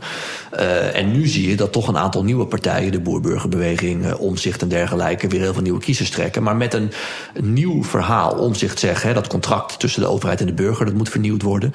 Caroline van der Plas zegt van nou, er zijn ook nog heel veel provincies buiten Noord- en Zuid-Holland. Uh, die heeft het over de menselijke maat onder andere. Die leggen een soort plan neer waar ze met Nederland naartoe willen. Dat bestaat uit linkse en rechtse onderdelen, om maar even zo te zeggen. Maar die oude ideologische scheidslijnen bestaan niet meer. Maar omdat we in Nederland heel veel partijen hebben, is daar ruimte voor. In Amerika zijn die oude ideologische scheidslijnen ook weggeëpt. Maar daar zit dat twee-partijenstelsel muurvast. Als er nou mensen luisteren die denken... hoe kan het nou toch dat dat muur vast zit? Dan zou ik zeggen, kom volgend jaar een keer naar mijn theatercollege... want daar leg ik dat in uit. Uh, maar neem nu even van mij aan dat dat zo is... Uh, dat betekent dus dat in Amerika altijd er een tweestrijd zal zijn, maar die zal dus ook minder zijn tussen links en rechts. En daardoor gaat hij nu in een soort cultuuroorlog tussen wie hoort erbij en wie niet, wie is er Amerikaan en wie niet. En het mooiste zou zijn, en in Amerika zal ongetwijfeld op een gegeven moment gaan gebeuren, wat nu ook in Nederland gebeurt, dat er nieuwe bewegingen komen die van links en rechts elementen pakken. En daar een nieuwe visie op maken, hoe, waar we met Amerika naartoe moeten. En dat zich, zal zich dan uit in een tweestrijd tussen die twee partijen. En uh, dat is misschien een mooie afronding. We kunnen heel veel negatieve dingen over Trump zeggen, die zijn er ook allemaal. Die vegen niet onder de tafel. Dat lijkt misschien nu wel zo, maar dat is niet zo. Maar Trump is de eerste die dat wel heeft gedaan. Die heeft gezegd. Ik pak linkse elementen, rechtse elementen. Ik ben geen traditioneel conservatief. Dat is ook een beetje ouderwets. Uh, wat ik gewoon wil doen is Amerika weer op één plaatsen. Daar past tak, tak, tak, tak, tak, dat en dat onder. Dat is mijn verhaal willen jullie dat ook? En het is nu aan de Democraten ten eerste om een andere revisie neer te leggen. Uh, waarbij de Amerikanen weten: oké, als ik op de Democraten stem, dan gaan we die kant op. Anders dan Joe Biden heet geen Donald Trump. Ja, dat is een mooie afsluitende woorden. Dus er rest me niets anders dan je heel erg te bedanken voor ja, je leuk, tijd en aandacht. Ja, Dank dat jij naar die Openkerk wilde ja. komen. Nogmaals een tip voor de luisteraar en kijker dat het een hartstikke gezellige tent is. Wij zitten nu in een klein hokje, uh, omdat we even wat minder last hebben van uh, het geluid uh, verder. Maar het is een hartstikke mooie tent. Ja, en misschien ook nog even, je, je zei dat je ook zelf een podcast hebt. Eh, waar kunnen we die vinden? Ja, die is iets korter. Amerika in 15 minuten. Staat op alle podcastplatformen. En daar praat ik je even kort bij, één of twee keer per week. Uh, aangaande de Amerikaanse politiek over iets wat ik vind dat jij moet weten. En verder beantwoord ik alleen maar vragen van jou, van de luisteraar. Ja, de verkiezingen komen er weer aan, ja. hè? dus ik ga het uh, in de gaten houden. En, en uh, ja, het boek Lang Leven Trump is ook wat mij betreft een warme aanbeveling van de, van de kijker.